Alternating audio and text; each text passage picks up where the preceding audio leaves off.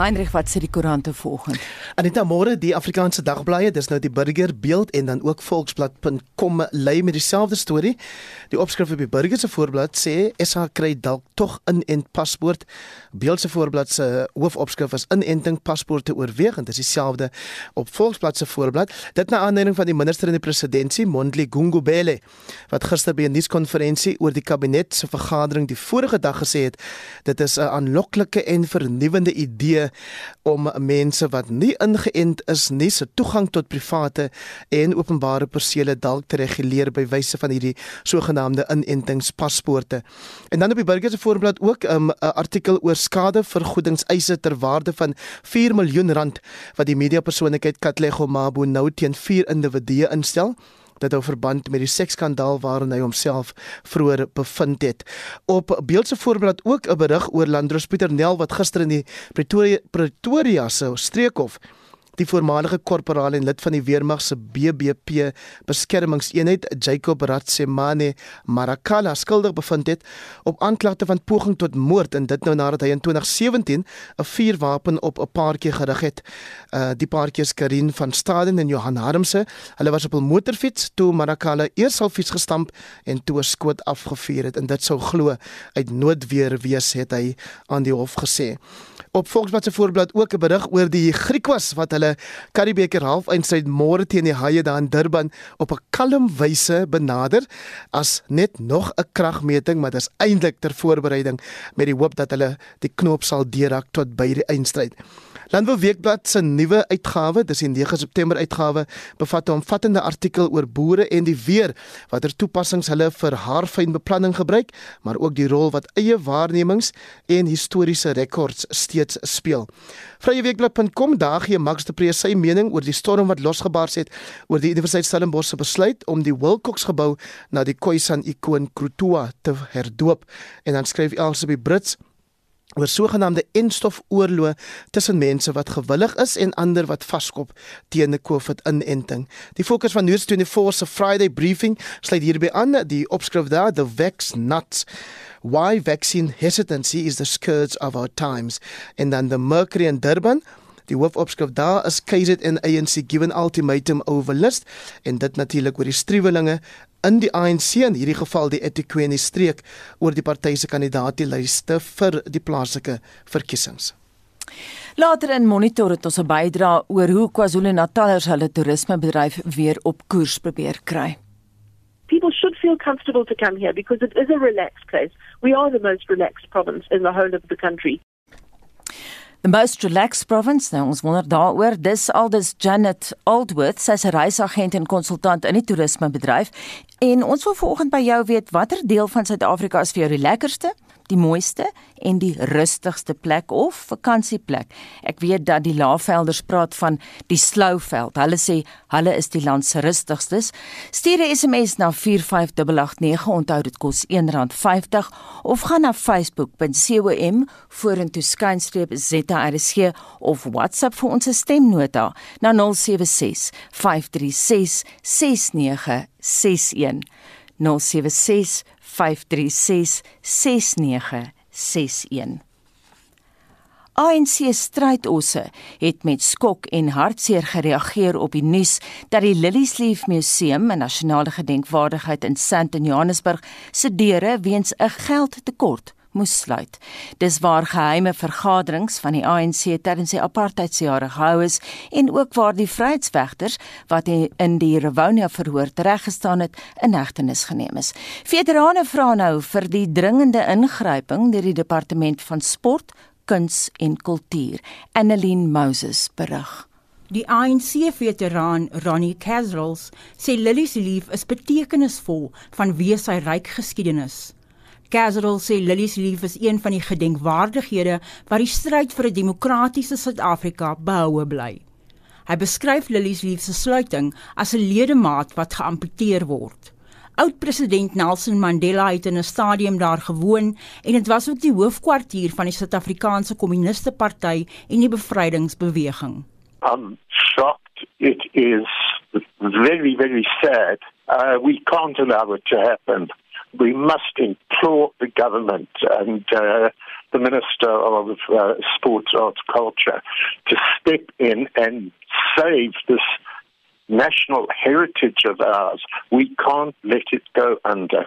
Casrol sê 'n konferensie vir die 60ste herdenking van Mkhonto weSizwe sou by die Lilies Leaf Museum gehou word, maar dat dit nou onmoontlik is. Hy sê hy's elke keer diep geroer wanneer hy 'n besoek aan Lilies Leaf bring. This remarkable resource, this most fabulous, outstanding exhibits and history online and, you know, in wonderful creative ways of learning. So it, it's absolutely terribly shocking and sad now it's waking up and, and emotions in me of, of, wanting to save the place, of diving into a river to save a, a, a drowning person. We, it, it stirs up those kind of emotions. Een van die voormalige hoofde van die ANC se militêre vleuel, Nkonto Wesizwe, Mavuso Mzimang, het ook sy misnoë uitgespreek. The closing down of uh, Leaf Farm offices is a real tragedy uh, for the nation. I've been looking at comments from some of the people who say this would just never happen.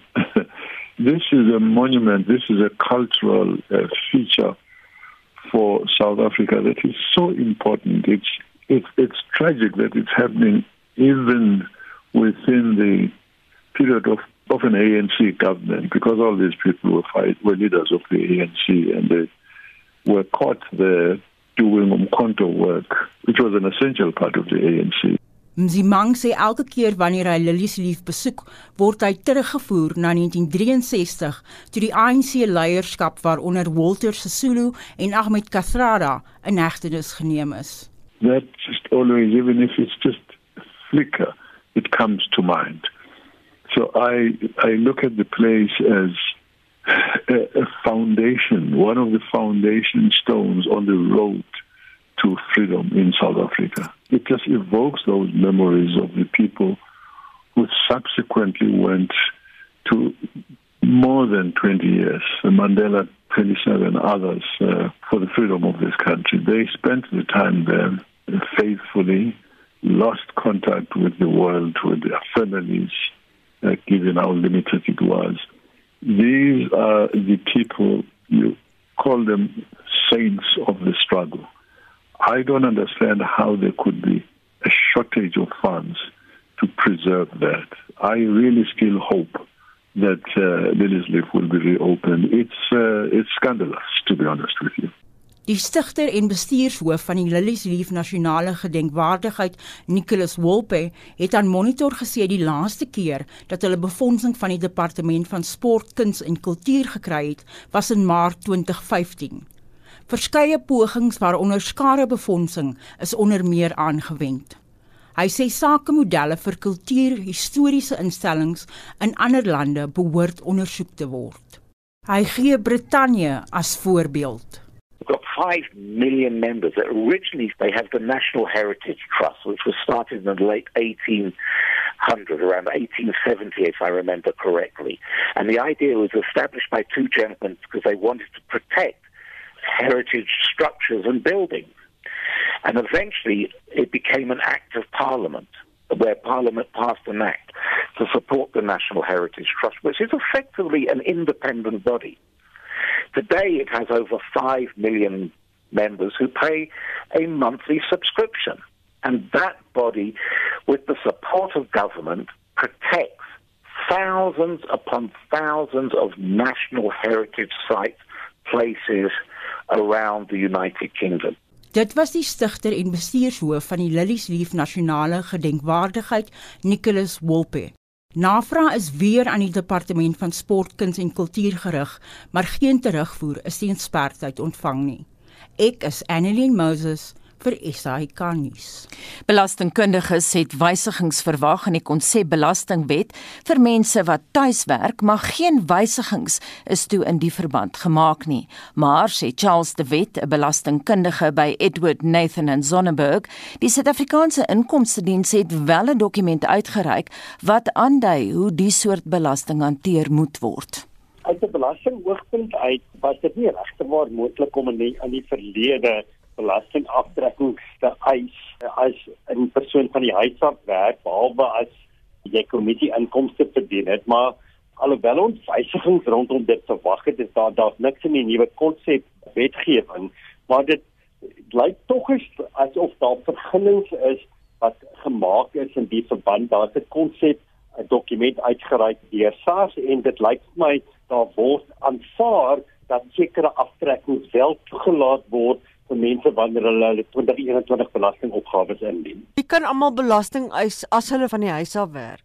Baie, ek meen redelike spesifieke reëlings wat in plek moet wees, dan moet amper 'n vereiste wees die werkgewer uh, moet aanwy dat daar vereiste is dat die persoon van die huis af werk of as gevolg van beleid op ek, ek dink die pandemie uh, het ook 'n impak uh, rondom dit gehad en as gevolg van omstandighede dat daar nie 'n uh, kantoorspasie beskikbaar is nie en dan moet die huis ook spesifiek daarvoor ingerig word op ten minste 'n spesifieke vertrek wat daarvoor ingerig word. So dis nie almal wat kwalifiseer nie, maar daar is tog sekere belastingaftrekkings wat wel eisbaar is. Wat presies eis 'n mens? Die uitgawes wat geuit kan word is rente op 'n verband op 'n gedeelte van die huur wat betaal word, die onkoste wat aangegaan het rondom elektrisiteit en water en eiendomsbelasting en sekere omstandighede as daar reparasies aan die huis uh, gedoen moet word, versekerings ook, uh, skoonmaak uitgawes. So dis tipies die huishoudelike uitgawes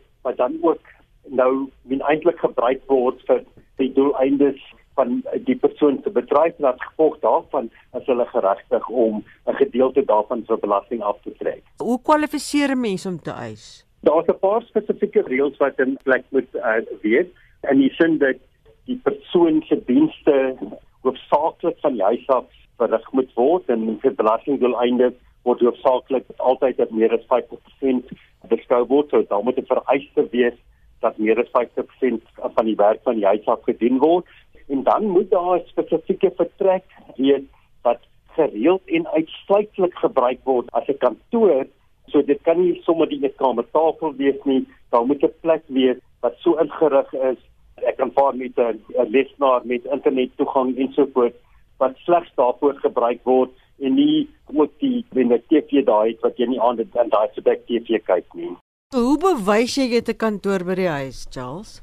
D dit is nodig om spesifieke inligting aan SARS beskikbaar te stel. Die een deel daarvan is moet dit nie al die uitgawes so dit nie die volle huur wat geëis kan word nie. Jy moet 'n verhouding gaan uitwerk, so jy moet al die planne van die huis moet neem en die grootte van al die verbeterings op die perseel, so daar stoorkamers, alles word in ag geneem in die oppervlakte dan word 'n persentasie bereken van waar die kantoor is en dan is dit slegs daai persentasie wat geuit kan word. So dis die inligting wat dan selfs beskikbaar gestel moet word.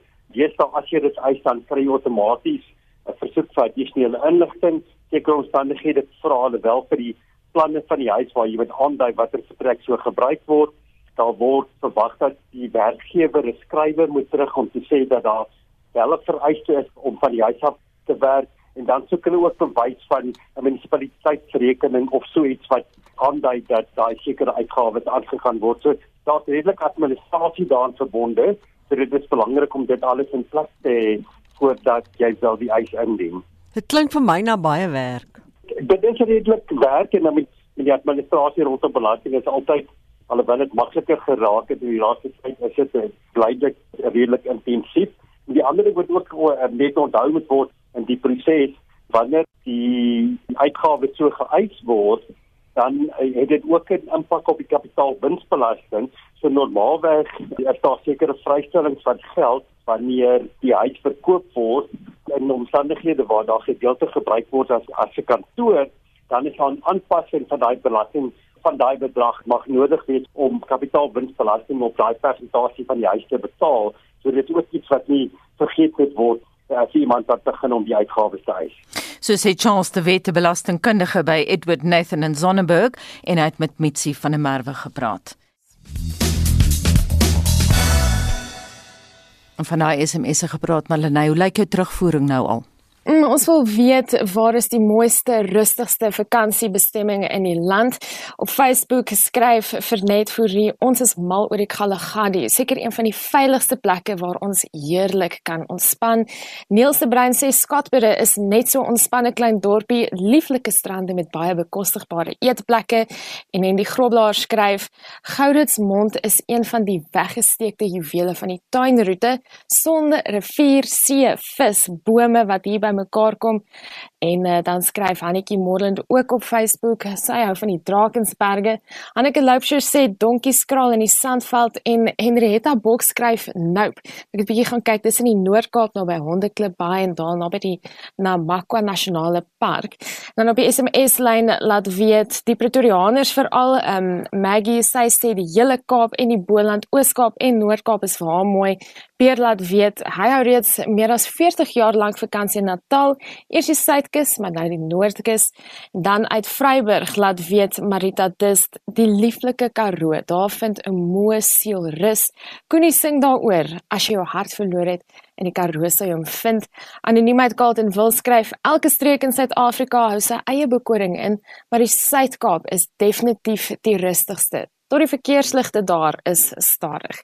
En ons het ook iemand hierso wat kommentaar gelewer het oor die bydrae van wat ons vroeër gehad het van Lilies lief waar 'n bietjie finansiële probleme is. Die anonieme luisteraar skryf: "Hier is 'n voorstel. Hoekom kan die ANC miljonêers nie die plek red nie? Hoekom moet ons belastinggeld daarvoor gebruik?" Jy kan saamgesels oor ons SMS vraag. Jy kan ook kommentaar lewer oor van die bydraes wat ons vanoggend op monitor het.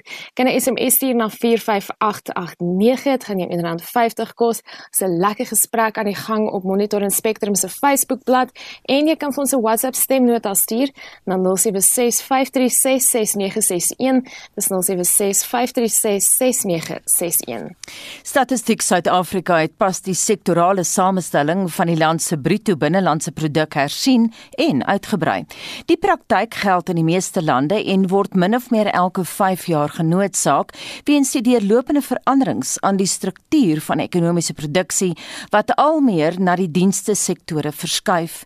Die netto gevolg van die hersamestelling is dat Suid-Afrika se BBP in 2020 'n volle 548 miljard rand hoër was as die syfer wat vroeër vanjaar gepubliseer is. Die nuwe BBP vir 2020 beloop meer as 5,5 triljoen rand en het gesorg dat Suid-Afrika weer eens die grootste ekonomie in Afrika is. Ons praat nou met die finansiële raadgewer by die Optimum Beleggingsgroep, Dr. Rolof Botha. Môre Rolof. Goeiemôre Anita. Baie groot syfers. Sê net vinnig voor ons begin, wat is 'n triljoen? Dis uh 1000 miljard. Ooh.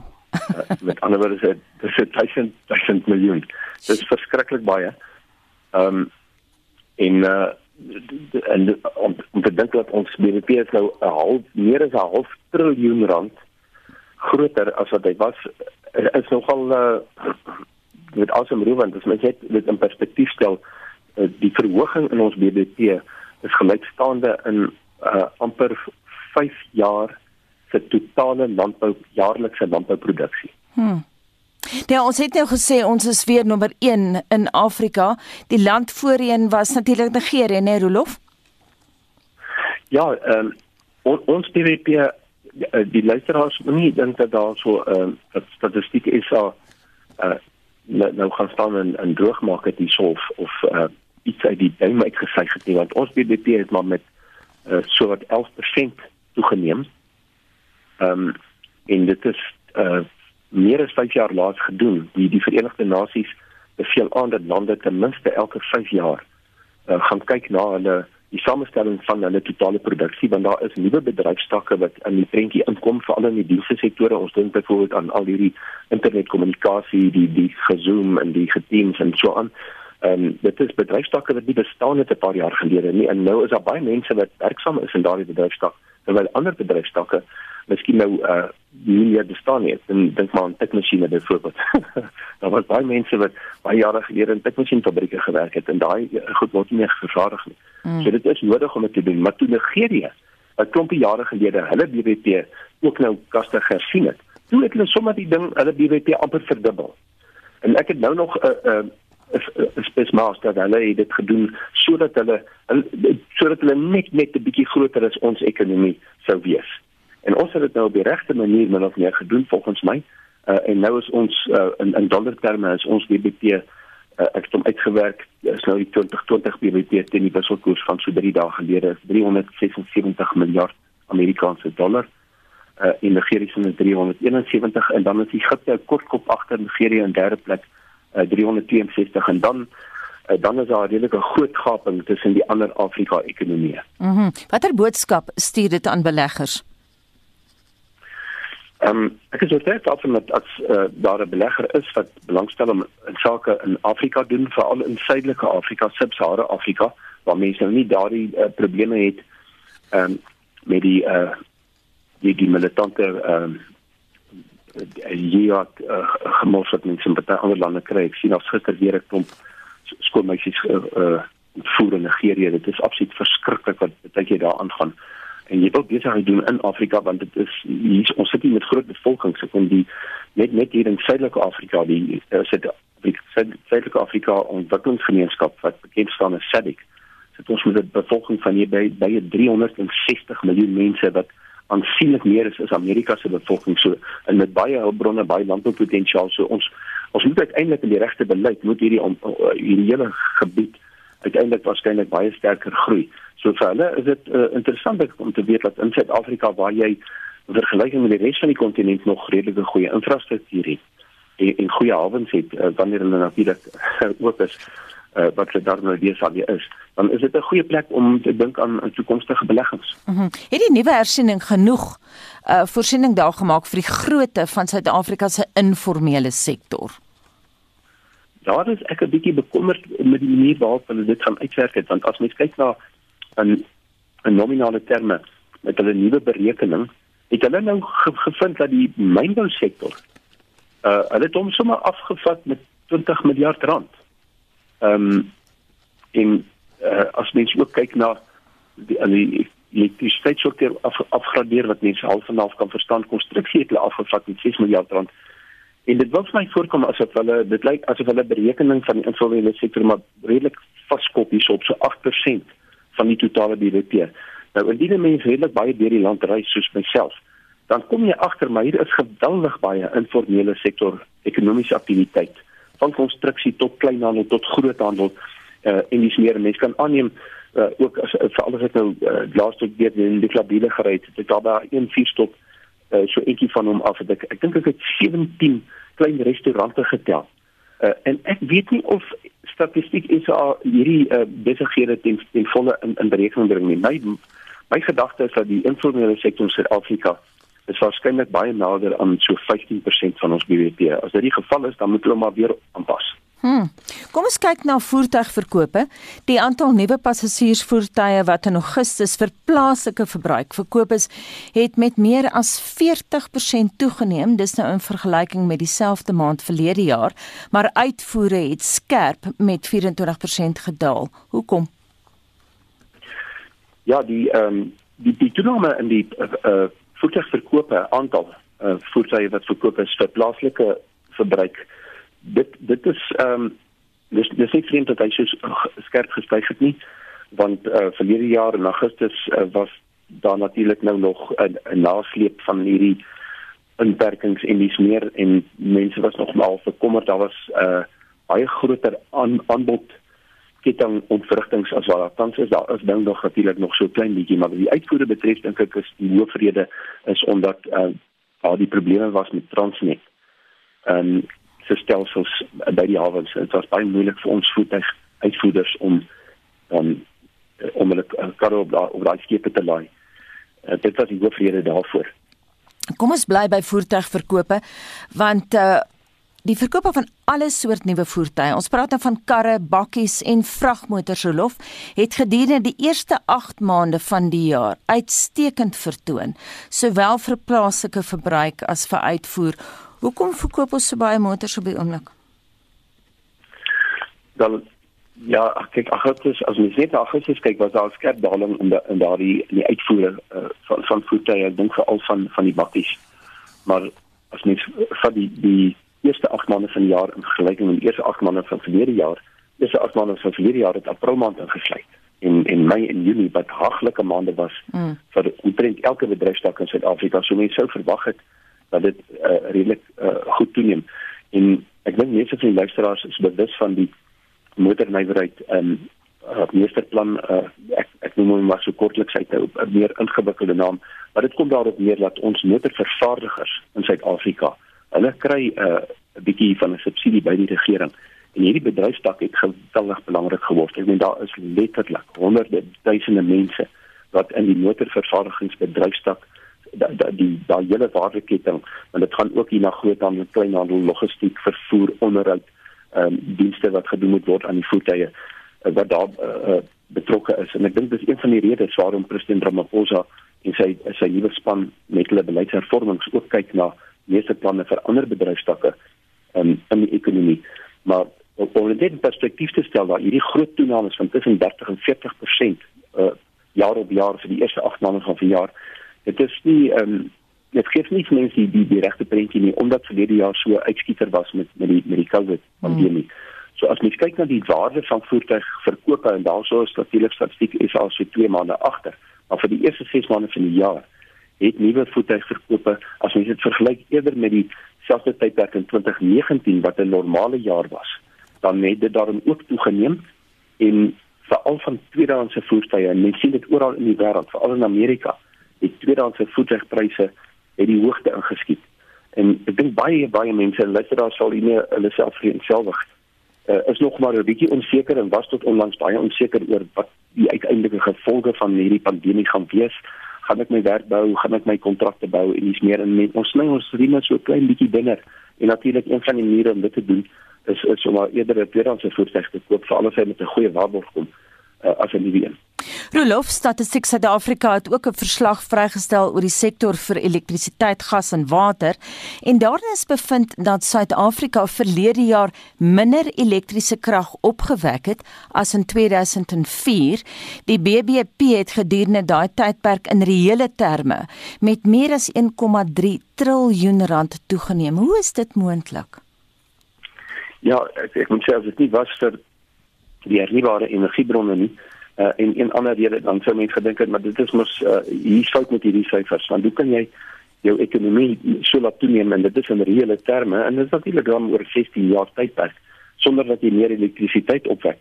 Uh, en en die uh, hoofrede daarvoor natuurlik is dat Suid-Afrikaners het begin veral op huishoudelike vlak en in 'n kleiner besighede maar selfs met groter besighede om oor te skakel waar hulle kan na alternatiewe forme wat sonkrag insluit maar veral baie gas gasstowe, gas uh, waterverwarmers.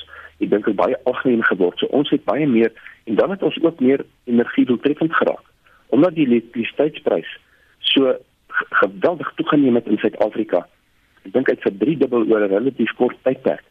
Uh ek dink se besef, maar kyk ons ons sal moet die ligte 'n bietjie afsit en ons gaan moet uh miskien 'n plan maak om in die winter 'n kombers oor daai oor daai waterverwarmers te gooi. Ons het baie meer energie doeltreffend geraak en baie belangrik daai het ook in die stelsel hier daar uh meer sonkrag en windkrag begin inkom. Dit is nog redelik klein. Ek dink dit is maar so 4.4% van die totale elektrisiteit wat verbruik word, maar wat daar uit gegenereer word, maar ek hopelik sal dit in die toekoms toeneem. Is Eskom op die regte spoor wat die toekoms van ons energiebeleid betref? Ongetwyfeld. Ehm um, 'n mens kan maar net openbid dat die departement van uh, mineraal en energie sake uh wakker genoeg is uh, om hulle 'n bietjie meer uh duidelike ondersteuning te gee.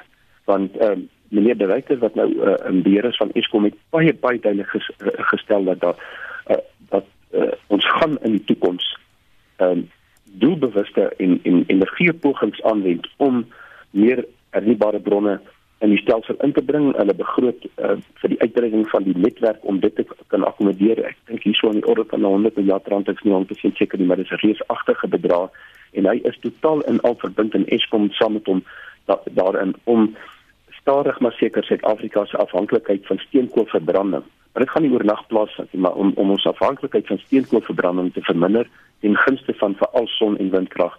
En dit is dit is fantastiese nuus ons het daardie hervormings wat president Ramaphosa beloof het is besig om gestart te bevind te vind en en ek glo Eskom is beslis op die regte spoor. Baie dankie en so sê Dr. Rolof Botha, hy is die finansiële raadgewer by die Optimum Beleggingsgroep. En nou die bydrae wat verband hou met ons SMS vraag vanoggend. Die aantal buitelandse toeriste na Suid-Afrika het met 71% gedaal weens die COVID-pandemie, van 15,8 miljoen besoekers in 2019 na minder as 5 miljoen in 2020. Hoewel van die jaar se syfers nog nie bereken is nie, het ander probleme die toerismebedryf gefnuik, waarvan die bekendste sekerlik die Julie onluste in Gauteng en veral KZN was. Molly Monitor het gister met 'n ou hand in die toerismebedryf in KwaZulu-Natal gaan gesels om uit te vind hoe die Natallers hulle skip probeer omdraai. Janet Oldworth is al 47 jaar lank in die toerismebedryf waarvan sy vir 35 jaar op die raad van die Suid-Afrikaanse Vereniging vir Reisagente gedien het. 12 Julie was 'n nuwe laagtepunt vir baie in die bedryf, maar dit, tesame met COVID-19, het hulle genoop om te herfokus, sê Oldworth. Interessant genoeg is besprekings op die langtermyn in KZN nie erg geraak nie, alhoewel korttermynbesprekings vir Julie en Augustus in die slag gebly het. We changed focus entirely and we focused on all our local market. So trying to attract people from Gauteng, not so much really from Cape. Certainly the Gauteng was our focus area. Tourism KZN did a lot of promotion, Tourism Durban also did a lot of promotion in those areas, trying to attract people to come through. And people did. A lot of people not able to travel overseas, so they're looking to do domestic holidays. And that was what we did. Short range holidays, so we had the long weekends, people would come down, and our numbers were good for over the long weekends. Dit beteken nie die Vrystaaters is agterweë gelaat nie. We do also get people from the Free State that will come through. People drive, and it's an easy drive to come from Blom to come to Durban. It's actually a beautiful drive. They might include, you know, maybe a stopover in the Drakensberg, but primarily people are focused on coming down to the coast, especially in winter time. Average temperature during winter days, 23 to 25 degrees. And it's every day is like that. It is blissful and it's beautiful. Aldworth nooi haar landgenote uit om in KZN te gaan kuier want sy sê daar's min tekens van die oproer en geweld wat in Julie wêreldwyd opslaa gemaak het en voorkeurdekking deur die BBC, CNN en Sky gekry het. The cleanup was almost immediate. We do have a couple of shopping centres that are still under repair, but as far as tourism is concerned, there was absolutely nothing was touched. On our tourism, not our fabulous promenade down the beachfront with and marine and all the other lovely things that people can enjoy on the beachfront in Durban. Umhlanga was completely sealed off by the residents.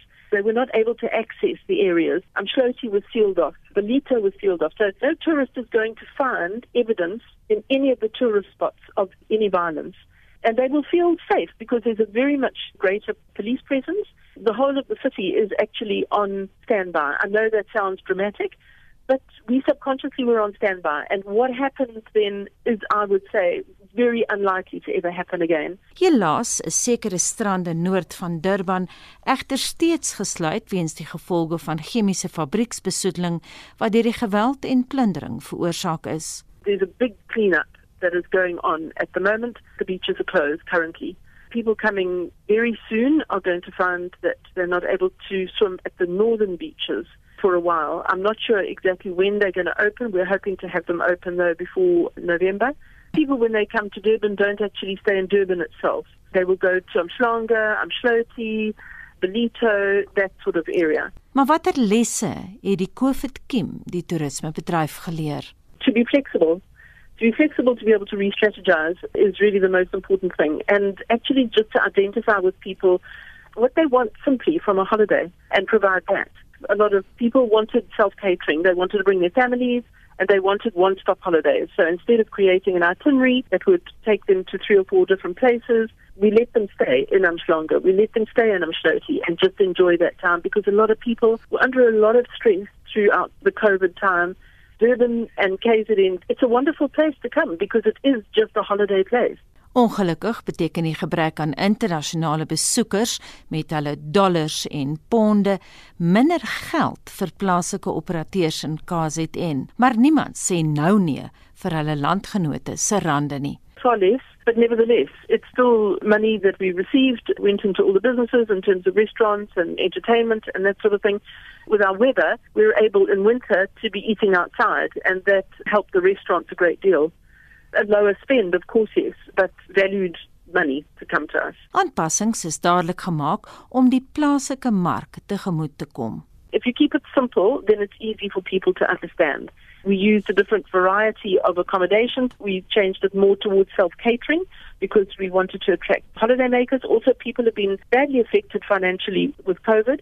So, we before they might have gone to Cape Town and gone and spent, you know, sort of a week there and certainly gone through 15,000 Rand.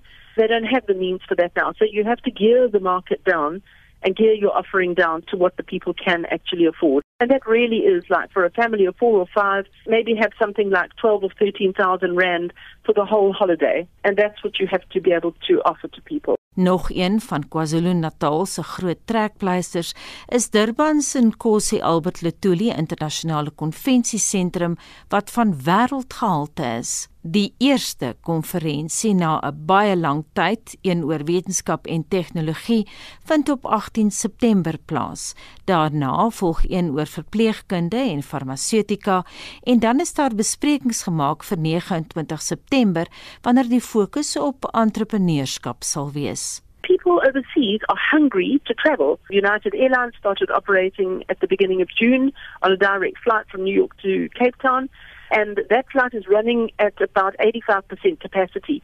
So those are all Americans wanting to come in. So for our international conference, people are feeling confident that they can and they will come and attend. Tydens die onderhoud kompeteer Janet Aldworth so skalks met haar Kaapse kollegas. Nee, wat sê sy? Hulle het die strande en die see, maar dis 'n yskoue see terwyl KZN warmer waters bied. Boonop glo sy geen berg in KwaZulu-Natal hoef 'n tree agteruit te staan vir die Kaapenaars se heilige berg in die moederstad nie. We have fabulous mountains, the most dramatic mountains that you can access easily and fantastic experiences that you can do when you're there from raptor sites, even wineries, fabulous hiking, great things to do. Then there's also the bush. It's one province that offers everything. The berg, the bush, fantastic game lodges and game reserves for every budget. And then also, you know, our beaches all the way up into Zululand, Sodwana Bay, magnificent. People should feel comfortable to come here because it is a relaxed place. We are the most relaxed province in the whole of the country. And they will feel it when they come. You can go to the restaurants in Amshlonga, sit out at night. It's lovely. People can feel like they're actually on holiday. Goeie redes om KZN toe te gaan dit dan Janet Aldworth vir 47 jaar nou al 'n reisagent en konsultant in die toerismebedryf en sy het vanuit Durban eThekwini met Monitor gepraat. Die parlement gaan binnekort begin met die proses om die Wes-Kaapse regter-president John Globe in 'n staat van beskuldiging te plaas. Globe is deur die regterlike gedragstribunaal skuldig bevind aan grouwe wangedrag. Dit hou verband met sy pogings om twee regters van die konstitusionele hof ten gunste van oud-president Jacob Zuma te beïnvloed. Die spreker in die nasionale vergadering, Nosiviwe Nkakula Mapisan Nkakula, sê sy het die saak na die portefeulje komitee oor justisie verwys. Vincent Mofokeng doen verslag. Mapisan Nkakula sê die komitee sal die prosedures rakende die verwydering van Toppe oorweeg en daarna verslag doen aan die nasionale vergadering. Sy sê 2/3 meerderheid sal tydens 'n stemming benodig word om die regter uit sy pos te verwyder. And then the committee will consider the procedural aspects of the matter and report to the House. And then, if we're happy, then there will be a vote in the House. And of course, a removal of the judge of a judge will require two thirds majority. We, I'm sure we are all familiar with this, that Section 177 of the Constitution does state that we need a two thirds majority. So, as things are now, the letter will be referred and all the doc- accompanying documentation. We also have in that package both the majority and the minority reports. Die komitee is ook meegedeel dat die grondwet nie vereis dat dit deur middel van 'n geheime stemming gedoen moet word nie. Sommige lede van die oppositieparty het die spreker egter versoek om uit te vind of sy nie haar diskresie kan uitoefen nie deur 'n geheime stemming te vra. Hulle wou ook weet hoe die stemming gaan plaasvind aangesien die meerderheid lede op virtuele platforms is. Die IFP hoofsweep Narend Singh, gevolg deur die VF+ hoofsweep Corneille Mulder. I think perhaps we must also start considering the, the, the type of voting that's going to take place. Uh, is it going to be secret ballot? Is it going to be, uh, uh, you know, just ordinary voting? And how are we going to accommodate the voting? I think, procedurally speaking, uh, the decision that you have taken to refer this issue to the Justice Committee is the correct one. It is a very serious matter. It's the first time since the adoption of the Constitution that we are confronted with this kind of situation. I agree with Mr. Singh that we will have to look at the voting procedure. It's Die voorsitter van die nasionale vergadering, Cedric Frolik, sê hulle ondersoek die uitvoerbaarheid van 'n elektroniese stemming. We are receiving a report from the ICT on electronic voting and we should be in a position to brief both the Chief of Forum and also the NAPC on the work that has been done there. And um, we will then be able to decide the route that must be taken, probably through the Rules Committee, so that we can give implementation to the effect of electronic vote. Die NFP was van mening dat kleiner partye weens die erns van die saak hulself in die Justisiekomitee moet verteenwoordig en aan alle prosesse moet deelneem.